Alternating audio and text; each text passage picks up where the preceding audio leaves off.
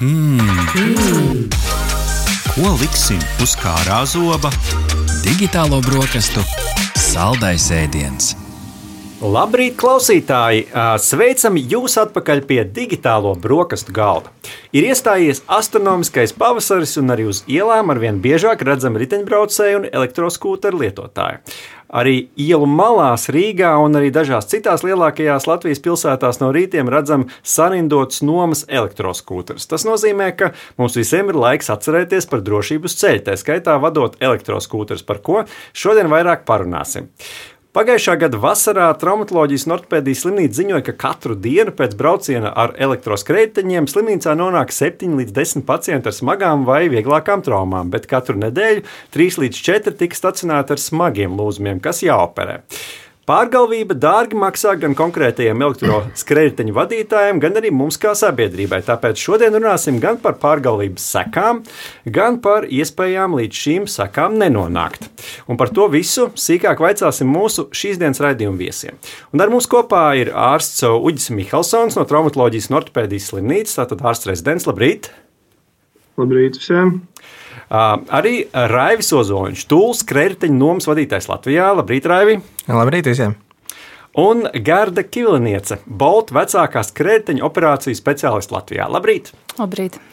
Mēs varam oficiāli teikt, ka elektrisko skrejteņu sezona ir atklāta, kolēģi, vai ne? Nu jau pavisam oficiāli, jā. Jā, droši, skaļi un skaidri tā varam, tā varam teikt, ar ko mēs sagaidām šo skrejteņu sezonu. Kāda ir tā, tā tendence? Cilvēki brauc vairāk, brauks vairāk, rēķināties, ka brauks vairāk. Kas ir sagaidāms šajā sezonā? Jo tas ir tāds nu, interesants notikums, ka ir transporta līdzekļi, kuriem ir tādas nu, sezonāla aktivitāte, ņemot vērā Latvijas laikapstākļus. Garda, sāksim ar tevi. Mēs rēķināmies ar to, ka cilvēki brauks vairāk, tas, ar ko mēs īsti rēķināmies arī ar to, ka tas lietotāju skaits tik strauji, kā mēs to novērojam. Pirmajos gados, kad mēs sākām piedāvāt Balta elektroskrējējiņus, ka tas skaits, nu jau, lai gan pagājušā sezonā vēl ir viena pieauga Rīgā, piemēram, pāri par 100%, bet tas, ko mēs redzam pārējās pilsētās Latvijā, kur arī ir pieejami mūsu krējēji, ka tas skaits pieauga mazliet, mazliet lēnāk, bet braucienu skaits palielinās kas nozīmē, ka arī šajā sezonā mēs rēķināmies ar to, ka vecie braucēji atgriežas un brauc vēl vairāk. Mm -hmm. Kādas ir vēl tendences vērojams? Cik, tā, cik daudz cilvēku brauc? Gari gabali, īsi gabali, kas ir tas varbūt tāds rezumē par to, kā cilvēki izmanto skrējējiņus? Nu, es domāju, tas atkarīgs no kurā vietā cilvēki dzīvo. Tie galvenie maršruti visticamāk ir guļam rajona centrs, turpat atpakaļ no rīta un uz apgabalu un vakarā atpakaļ. Un tad pa centru, kad cilvēkiem nav jāsēž kortos, jāmeklē stāvvietas, tad ir ērti centra iekšienē pārvietoties ļoti ar dažādiem mikromobilos līdzekļiem, kas arī ir viena no skaretiņiem. Es vēl piebildīšu, varbūt Gārits minētāji, kad es domāju, ka šogad, ja runā par Rīgu, tad patiesībā uh, manas ekspektācijas ir, uh, kādas krediteņu skaits, uh, braucēju skaits palielināsies. Īpaši ņemot vērā to, kāda ir šogad plānota remontdarba pilsētā, kas būtiski ietekmēs autotransportu, sastrēgumus un tādas lietas. Un, uh, ja būs labvēlīgi laika apstākļi, es domāju, ka ļoti liela daļa cilvēku izvēlēsies uh, skrējēju kā alternatīvu pārvietošanai, lai ietaupītu laiku.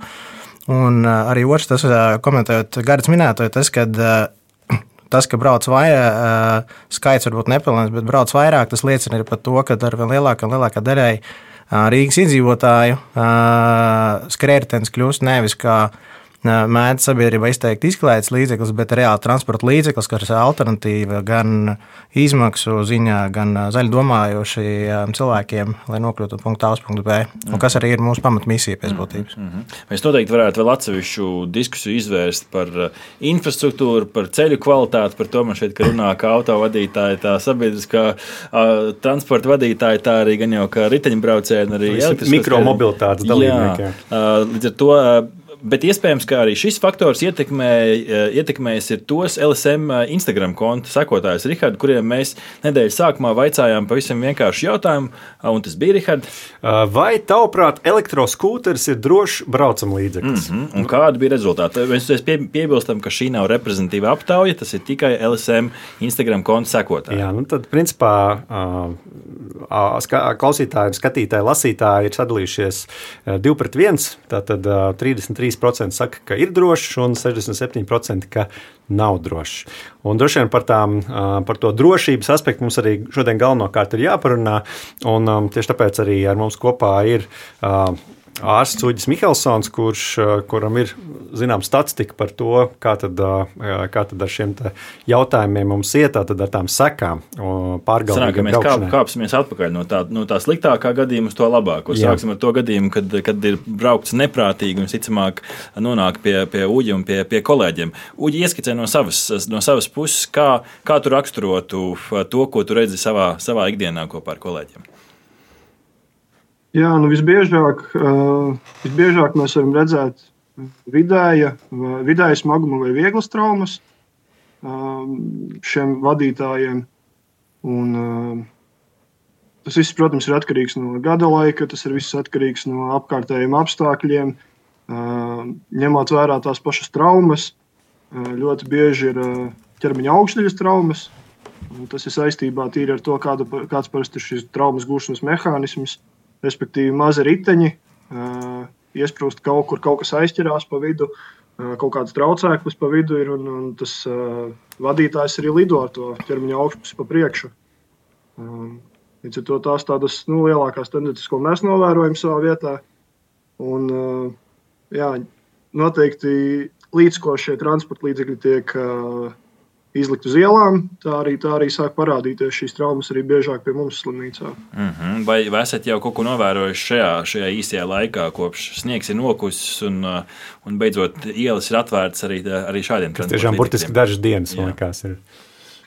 Jā, nu, tik, tik intensīvi uzreiz pieplūdumu mēs noteikti nenovērojam, bet uh, es domāju, ka tuvākajā laikā jau sāks parādīties šīs traumas. Es gribēju jau doktoram pajautāt, vai ziemā arī bija novērots kādas traumas vai nē ar skrējējiņiem? Īsti nē, jo tie laikapstākļi šajā ziemā mums bija diezgan atbilstoši tam, lai būtu kārtīga ziema. Un cilvēki, nu, manuprāt, nav tik neapdomīgi, lai paši ņemtu ārā tos savus elektroskūterus un arī brauktu. Un, mm -hmm. nu, diezgan riskanti, manuprāt, tas ir tā pašam arī vērtējot, es domāju, arī citiem. Kādēļ es jautāju, ir tas, ka tūlīt patiesībā operēja visu caur ziemu. Mm -hmm. Un uh, mums ir šeit tieši tāda paša novērojuma, ka patiesībā Ja tev uz karietes ir atbilstoši ziemas apstākļiem, tad patiesībā brauc ar viņiem cilvēki, kuri grib pārvietoties un domā, ko viņi dara skrējēji. Un arī mēs neesam dzirdējuši ziemas laikā nevienu uh, gadījumu no mūsu skaitļiem lietotājiem, kas ziemā būtu braukuši un būtu traumēti. Cerams, cerams, ka tā arī nav noticis. Skaidrs, ka mēs šobrīd mums viesos ir nomas uzņēmumu pārstāvi, bet mēs skaidrs, ka mēs Richard, runājam ar pilnīgi visiem, kas brauc uz skaitļiem. Tā skaitā arī tiem, kas ir nopirkuši tos superjaudīgos, lielizmēra trakojošos zvērus, ar kuriem ir redzēti dažādi Instagram un TikTok video, kur cilvēks nesās tur uz 90 kopā ar mašīnām pa, pa šoseju. Um, Vēl viens aspekts, uh, Uģi, uh, kam gribās pieskarties, nu man šeit ir tas, tas pats neprātīgākais gadījums, kad nu, pēc kādas uh, vakara balītes, pēc kāda pasākuma, kur ir iemalkots kāds, kāds grādīgais dzēriens, uh, mesties virsū uz skrējēju un, un braukt. Un tur man šķiet, ka Uh, nu, tas, tur, tur, tur tie iznākumi varētu būt vis, uh, visnepatīkamākie. Kādi ir novērojumi, cik bieži cilvēki ierodās uh, traumunktā ar ne tikai ar traumu, bet arī ar problēmām? Jā, redzam, saistībā ar to statistiku es pavisam noteikti varu minēt to, ka šobrīd mēs esam uzsākuši šogad arī uzskaitīt tieši atsevišķu elektroskūteru traumas. Līdz ar to tā precīzā statistika mums atspoguļosies tuvāko periodu laikā. Bet ņemot iepriekšējo gadu pieredzes, jā, ļoti bieži tika novērotas arī apreibinošo vielu ietekmē vadītāji ir ieradušies pie mums bijuši. Arī, arī ļoti daudz vadītāju, kas ir braukuši ar kādu kopā uz elektroskūtera. Jā, tā kā pavisam noteikti tas ietekmē to iznākumu. Kas notiek? Nu, varbūt tāds primitīvs uh, medicīnas jautājums, ne, ne, netipisks tehnoloģija raidījumam, bet kas notiek cilvēka ķermenī tajā brīdī, kad viņš ir ieņēmis grādīgo dzēru? Un neskaitot to, ka mēs jūtamies bravūrīgi un, un, un pārvērtējam savas spējas, kas ir tas, kas fizioloģiski traucē nu, vadīt kā, kā, div, kā divriteni, tā elektroskūta ar tā automašīnu? Jā, tas pats uh, svarīgākais būtu uh, šim vadītājam palielinās reakcijas laiks. Un, ņemot vērā to, ka šim transporta līdzeklim ir nepieciešams veikt arī straujas, straujas manevrus, lai izvairītos no šiem šķēršļiem, tad uh, reakcijas laiks pagarinoties arī palielina risku. Reizē arī, protams, uh, aprīkuma ietekmē arī, arī uh, redze tiek traucēta, līdzsvara sajūta. Nu, tas tā viss nokombinējās un beigās, beigās ir tas tas rezultāts arī kāds ir. Jā, nu, alkohola un citu apreibinošo vielu lietošana nav apvienojama ar braukšanu, bet uh, es gribu jautāt uh, skaiteņu uh, nomas firmu pārstāvjiem, vai ir kaut kāda tehnoloģiska iespēja, kā to risināt. Nu, jo skaidrs, mēs nemelosim sev no tajā brīdī, kad vasaras vakarā iet garām tam pašam Tallinas kvartālam vai kādām citām vietām, kur jaunieši vairāk pulcēs. Nu, tur tie skaiteņi no visām, visām nomas firmām ir kaudžu kaudzēm, un, un skaidrs, ka ja viņi ir tur uz turieni atbraukuši, ļoti iespējams, ka viņi uz tā paša skreitiņa ir uzkāpis un, un uh, brauks atpakaļ mājās. Uh, vai ir kaut kāda risinājuma, nezinu, tieši netieši, nu, tur droši vien alkometri pie katra skreitiņa būs grūti pieskrūvēt, bet varbūt, nezinu, tur uh, ir kaut kāda spēlīte jāizspēlē telefonā, lai, lai varētu tikt pie, tikt pie skreitiņa vai kaut kāda cita risinājuma, jo nu, tā, tā ir reāla problēma tieši, uh, un kā mēs pagājuši vasar arī runājam tieši traumatoloģijas ortopēdijas slimnīcas, cilvēki teica, ka tiešām tik daudz gadījumu, kad cilvēki tieši reibumā uh, gūst tās lielākās traumas. Varbūt ir kāds, kāds risinājums padomā, vai jau ir risinājums.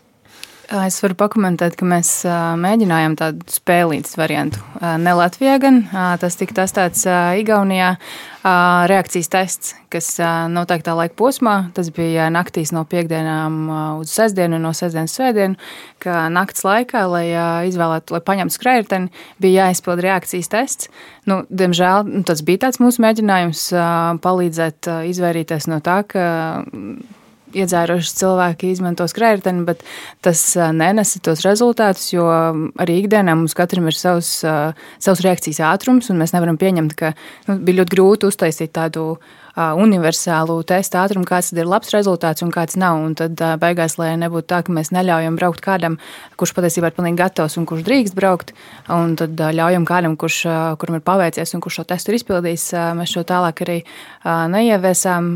Nu, Papildus tam mums ir, tas gan nav īsti tehnoloģiski, bet arī likums paredz to, ka to darīt nedrīkst. Un šeit, tāpat kā daudzās citās lietās, runājot par drošību, mēs ar visiem operatoriem esam viensprātis, ka mēs esam tikai par aktīvāku policijas iesaisti un, un papildus tādu skrējēju braucēju pārbaudēm, lai šis tiktu izskausts. Mm -hmm. Uģis pieminēja arī braukšanu divu. Tur raivi var kaut ko, kaut ko darīt. Es, nu, cik iepriekš mēs ziņās esam ziņojuši un stāstījuši, nu, ir dažādi sensori vai ne. Ko, ko, kā, var, kā var konstatēt to, ka, ka uz vienas kriteņa ir nevis viens labi paēdis cilvēks, bet divi? Par šo varētu laikam labāk Gerda iekomentēt, jo viņi ir testējuši šādu risinājumu. Mēs tūlā vēl uz doto brīdi šādu risinājumu neesam testējuši, jo Mums liekas, ka izmaksas ieviest šādu tehnoloģiju pret to ie, ieguvumu patiesībā varētu būt pārvar, nu, pārvērtēts, bet varbūt Gerda var iedot komentāru par šo jautājumu. Jā, šī bija vēl viena lieta, ko mēs sākām gan testēt, gan arī tiešām izmantot pagājušā sezonā, un turpināsim to darīt arī šo sezonu, ne tikai Latvijā, bet visās valstīs, kur ir pieejams krājēji. Um, tā doma ir tāda, ka nav svarīgi, vai tu, ja tu esi paēd, labi paēdis vienmēr, viss kārtībā, tu vari braukt. um, bet, un arī maldīgs uzskats, ka Balts krājotājs kaut kādā veidā redz to, cik tu sver, vai arī, ka es atverot uh, jūsu braucienus, redzu, cik es sveru, tā nav. Uh, tas, kā tas notiek, ir uh, veicot braucienu, teiksim, veic šo pirmo braucienu, veic nākamo, uh, tiek fiksēts tas, uh, nu, kāds ir tavs svars, ne ciparos, bet, uh, bet tas tiek saprasts. noteikti. Jā, jā. kāds cipars X, jā. jā. Un nākamajā reizē, kad tu veic šo braucienu, neatkarīgi no tā, kā tas notiek, ja tev pēkšņi ir plus 20, plus 30 kg, kas nu, nav īsti dabā iespējams, ka šodien to bija tik un rītdien ir tik, vai pēc nedēļas ir tik, tad tas triggerot ziņu mums un pašam klientam, un mēs viņam sakām, ka, hei, izskatās, ka tu nebrauc viens. Šī informācija mums saglabājas klientiem, par kuriem mēs vairākas reizes ļoti īsos laika posmos esam saņēmuši tādu informāciju, tiem tiek liekta pieeja aplikācijai. Mēdz būt tā, ka tas ir vēl ar vienu testa režīmā, nevienmēr tas nostrādā, nevienmēr tas ir precīzi. Tas, ko es vēl arī gribēju minēt, tas, ka šāda tehnoloģija ir un ka tas pamazām samazinās, nenozīmē, ka mēs neredzēsim tādus braucējus vispār, kamēr vien cilvēki turpinās to darīt, jo šim tā tam braucienam ir jānotiek, lai sistēma to varētu fiksēt. Mm -hmm. Labi, sensori ir viens, bet ko var darīt apkārtējie cilvēki, kur redz šādu pārkāpumu, var kaut kā ziņot, var kaut kā nodot ziņas, te redzu, no, bildēt, ir jēga bildēt, sūtīt uh, raivi. Es domāju, ka mūsu abu operatoru gadījumā, un arī pārējo, ir iespēja bildēt, fiksēt pārkāpumu caur aplikāciju, vienkārši no, atsūtot vai arī mums informāciju, mēs zinām konkrētu geogrāfisku atlašanās vietu pēc GPS, mēs zinām lietot, mēs noskatām lietotāju kontu, lietotāju, tur iespēja izteikt brīdinājumu, slēgt viņa konts, un mēs esam par to, lai šie pārkāpumi netiktu veikti. Vēl ko es gribēju ātri pieminēt, ir tas, kas nav mazsvarīgi, kad sabiedrībā tiek te, nu, runāts par to, ka situācija uz, pasliktinās, bet patiesībā situācija būtiski uzlabojās salīdzinot pagājušajam gadam pret iepriekšējo gadu, jo, ja mēs runājam par traumām pagājušajā gadā, tad viņu Skaits pagājušo gadu vismaz pēc SDD datiem ir 235 vidēji smagas vai letālas traumas ar skrējējiņiem. Pret iepriekšējo gadu tas pieaugums 78%, bet skrējējiņu skaits nomas kreditiņu tikai operatoru skaits palielinājies par 3,5 reizēm, 280%. Kas nozīmē, ka, ja mēs skatāmies traumatismu uz 100 skrējējiņiem pilsētā, viņš ir samazinājies par 60-70%. Tas nozīmē, ka situācija ir būtiski uzlabojusies, un tam par iemeslu ir tas, ka pagājušā gada būtiski pievērsta mediķu uzmanību traumām. Policija ir veikusi dažus, bet tomēr reidus. Mēdī ir pievērsuši būtiski lielu uzmanību statistikai un traumām. Un arī operatori ir savu lietotāju vidē ieguldījuši lielu darbu, lai informētu par dažādām bīstamības lietām. Un tas ir šo situāciju veicinājis. Un kā ceļu policija ir pati to atzīmējusi, ka pagājušo gadu reibumā notikuši negadījumi ir bijuši 100, pret iepriekšējā gadā 71. Te mēs arī redzam pieaugumu tikai kaut kādā virs 30%. Ja tu salīdzini pret skrējēju skaitu kopumā, ir palielinājies, tad jā, skaits ir palielinājies, bet uz, uz konkrētu skaitu skrējēju skatās, tad viņš patiesībā būtiski samazināja. Un arī pati policija un arī mēs operatori norādām to, ka braukšana reibumā numur viens un braukšana divatā. Kāpēc to dara? Tādēļ, kad ir nesodāmība, cilvēkiem ir daļai, mazai daļai lietotāji ir tāda nesodāmību sajūtu. Un labā lieta, ka arī tagad pie likumdošanas izmaiņām tiek strādāts, ka arī pašvaldības policijai varētu tikt dotas tiesības pārbaudīt skrējēju braucējus. Un es domāju, ka tas ir viens trūkstošais, milzīgais elements, lai no, sāktu pārbaudīt, jo nav jēga noteikumiem, ja neviens viņus nepārbauda mm -hmm. un radās visļautība. Mm -hmm. uh, Uģi, vēl viena, uh, vēl viena cilvēku grupa, kas cieši ir gājēji parastie, kuri vienkārši pārvietojas pa ietvi un nu, kuriem var uztriekties virsū kāds, kurš brauc ar skrējēju pārgalvīgi, vai ir kādas tendences vērojams šajā ziņā. Nu, teiksim, cilvēki, kas viesojas pie jums ar ziņu, ka viņiem uzskrēja virsū skrējtenis. Protams, nerunāja par ziemu, runāja par pagājušo vasaru, kad tas bija daudz uh, aktuālāk. Jā, īstenībā Tas, nav, tas ir ļoti nereti, ka pie mums ierodas arī pacienti, kuri ir cietuši no kāda cita vadītāja, kas ir uzbraucis virsū. Un, kā jūs paši nojaušat, lielākoties tas ir tāpēc, ka šis transporta līdzeklis ir ar elektromotoru, tāpēc ka viņi pārvietojas arī pa gāja ietvēm reizē. Un, un šie notriektie cilvēki ļoti bieži nemaz ne, neredz, kurā brīdī šis transporta līdzeklis tuvojas. Viņi, viņi vienkārši nonāk tajā situācijā pēkšņi. Un līdz ar to jā, nu, pats, cilvēkiem tiek uzbraukts virsū, viņi ir ierodas pie mums. Un, un es domāju, ka tos arī mēs reizē reģistrēsim, lai arī mēs varētu saprast, cik, arī, cik ļoti bieži arī tādi gadījumi mums ir. Vai šeit ir tehnisks risinājums. Nu, Teslas Amerikā viņām kabina klāt mākslīgo skaņu, dažu, dažādas uh, troksnīšas galvenais, lai dzird. Arī man šķiet, ka ir kaut kur domāts, ka likuma līmenī elektroautorā ir jāievieš skaņa, kaut arī mākslīga. Vai jūs, prāt, skaņa šeit, ir, šeit varētu palīdzēt uh, sadzirdēt to, ka aiz tevis ir skrējējs. Jo viņi ir, nu, dzirdēt jau var tādu Jetsoniem līdzīgu skaņa uzrāviens, bet, uh, bet ne, negluži, negluži, negluži tas, ko uzreiz var sadzirdēt. Pie šī arī mēs strādājam. Papildus ieviest skaņu, kas būtu tāda ambientā skaņa, kas, kas ir skrējēju braucienu laikā. Tas gan primāri tiek darīts un izstrādāts tāpēc, lai pilsētu vietās, kur vairāk cilvēki ar redzes problēmām, Rīgā tā piemēram ir jūgla un, un neredzīgo ciemats tur. Labi, Rīgā varbūt tas, tā teritorija ir maza tieši šim ciematiņam, bet ja mēs skatāmies citām pilsētām Eiropā, tad tās teritorijas mēdz būt lielākas. Un, ne tikai šādos reizēs, bet vispār, jā, lai skrējēji varētu labāk dzirdēt. Šeit gan es gribu pieminēt, ka es ļoti ceru, ka arī tie cilvēki, kuriem uztriecis virsū, ziņo pēc tam par to policijai, un tas plus, kāds ir nomas skrējējiem, ir tas, ka salīdzinājumā ar privātajiem, ka, nu, lai arī kāda ir tā situācija, bet visticamāk jau, ka tās krediteņu krāsu vismaz cilvēks ir paspējis pamanīt.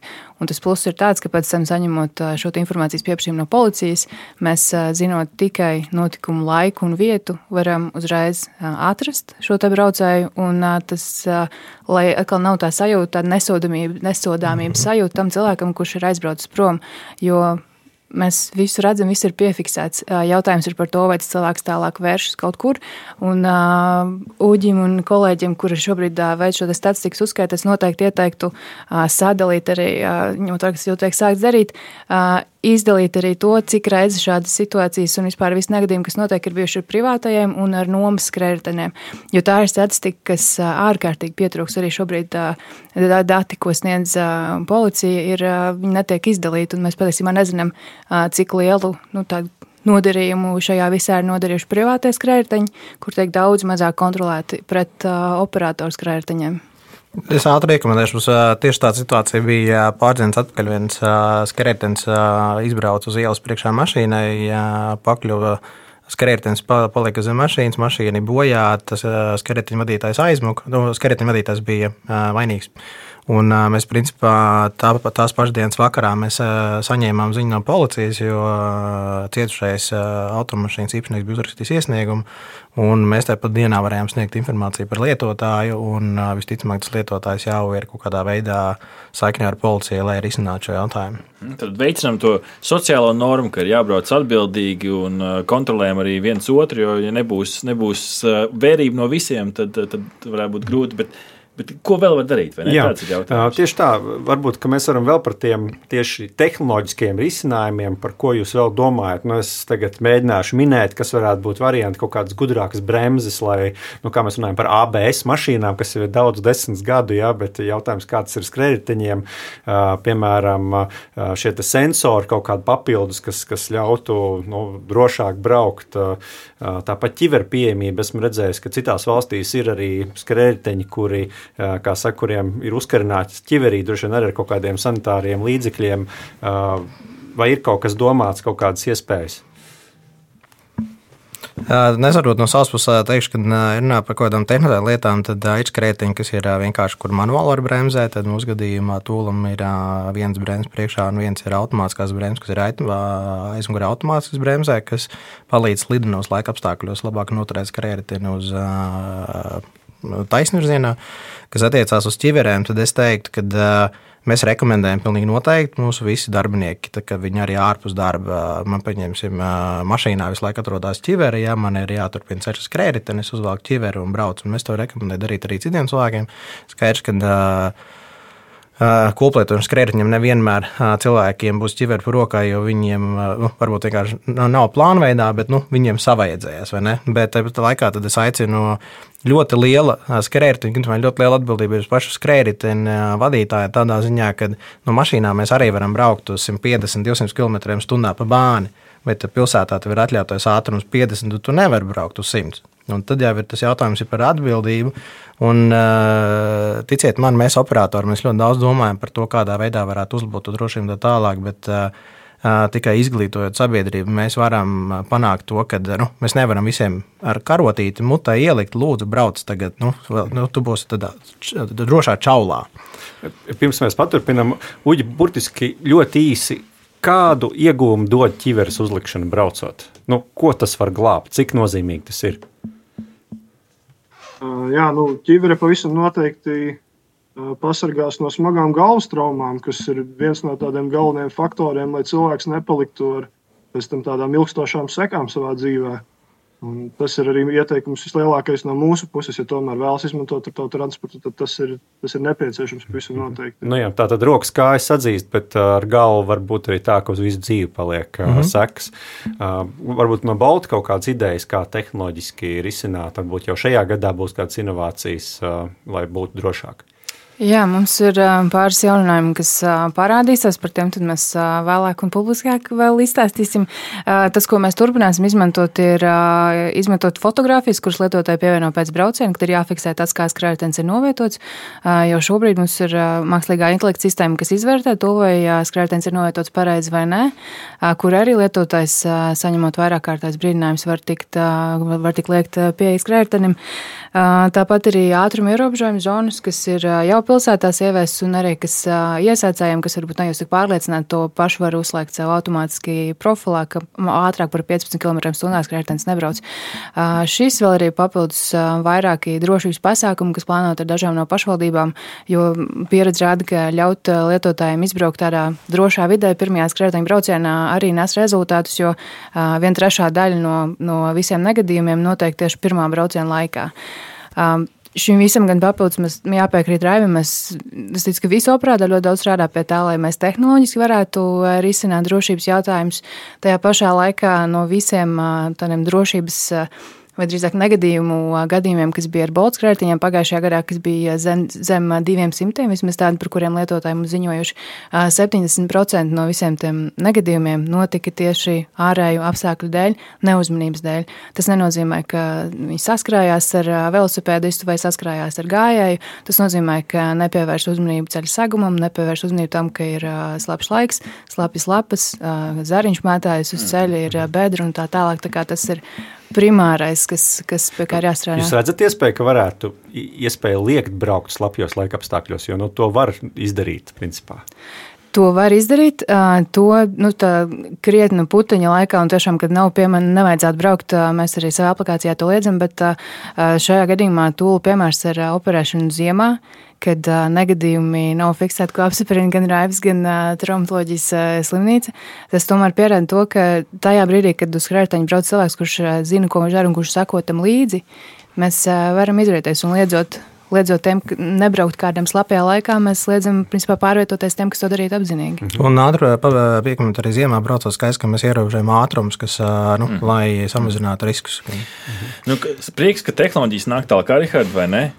Laikam tas, tas novēlējums ir, lai pie, pie kolēģa Uģa un, un pārējiem ar vien mazāk cilvēki ir ar skrēteņu traumām, lai var rūpēties par tiem, ka patiešām ir traumas, kuras nevarēja novērst. Tieši tā, nu, mēs no digitāla brokastu puses aicinām nebraukt nekādu apreibinošo vielu ietekmē, Izvēlēties patiesībā korektu stāju uz riteņa, nebraukt ar kājām blakus, bet, kā saka, nedaudz tās kājas vienotrai priekšā, turēt abas rokas uz stūres, novērtēt to segumu, pa ko jūs braucat, jo nu, slapjums, bedres, lapas ir ļoti, ļoti uzmanīgi jābrauc tām pāri, arī bremzējot, esam uzmanīgi un noteikti lietojiet skrējējiņus pareizi. Nelēkājiet ar tiem, arī kruīzes kontrole ir rūpīgi jāsaprot, vai to var izmantot un gal galā lietojam arī individuālos aizsardzības līdzekļus. Un visbeidzot, mācāmies ceļu satiksmes noteikumus un sekojam tam līdzi un atceramies, ka skrejteni reizēm nevar pamanīt, jo tas pārvietojas ļoti ātri. Tāpēc ne tikai apelējam pie noteikumiem, bet arī rūpīgi skatāmies, kur tās mašīnas tuvojās, lai novērstu preventīvi jebkādus riskus. Paldies! Šodien pie mums viesojās ārsts Uģis Mihelsons no Traumatoloģijas un ortopēdijas slimnīcas. Paldies! Arī Raivis Ozoliņš no Tūla un Gerda Kivilniec no Balta. Paldies jums, ka bijāt kopā ar mums! Jauka diena visiem! Paldies! Aha! Paldies, ka noklausījāties mūsu līdz galam! Ja patika, uzspiediet laiku, atstājiet komentāru vai padalieties ar draugiem. Un nobaudiet arī citas epizodes, kā arī sekot mums, lai nepalaistu garām savu ikdienas tehnoloģiju ziņu devumu.